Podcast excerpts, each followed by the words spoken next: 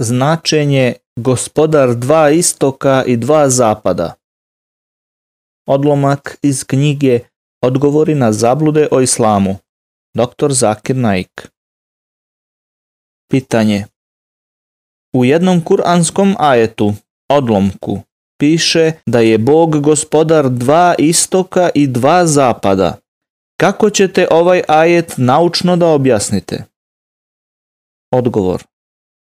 Časni Kur'an zaista kaže da je Bog gospodar dva istoka i dva zapada.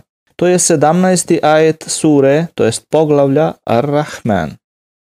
Gospodar dva istoka i dva zapada. U originalnom arapskom tekstu Kur'ana imenice istok i zapad se koriste u dvojini. Bog je gospodar ekstrema istoka i zapada. Geografija nas uči da sunce izlazi sa istoka, ali se tačka sunčevog izlaska menja tokom godine. Samo u dva dana u toku godine, poznata kao ekvinocij, ravnodnevnice, sunce izlazi tačno sa istoka.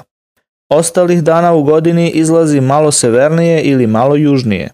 Tokom letnje dugodnevnice sunce izlazi iz jedne ekstremne tačke, a tokom zimske kratkodnevnice sunce izlazi iz druge ekstremne tačke.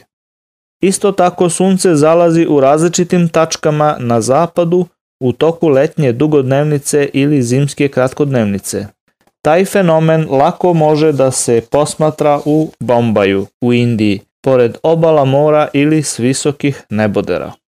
Ukratko, u toku godine sunce izlazi iz različitih tačaka s istoka i zalazi u različitim tačkama na zapadu. Dakle, kada Kur'an kaže da je Bog gospodar dva istoka i dva zapada, to može da upućuje na oba ekstrema sunčevog zalaska na istoku i na zapadu.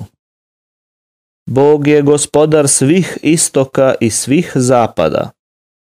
Arapski jezik ima dve vrste množine. Jedna je dvojina, dual, to jest množina na dva objekta, a druga množina se odnosi na nešto čega ima više od dva, to jest tri i više. U suri Ar-Rahman u spomenutom ajetu stoje reči mešrikajni wal magribajn, što predstavlja dvojinu dva istoka i dva zapada. A sada razmislite o sljedećem ajetu. I ja se kunem gospodarom istoka i zapada, Kur'an al U arapskom tekstu stoje reči mešarik i megarib, što je množina koja se odnosi na tri i više.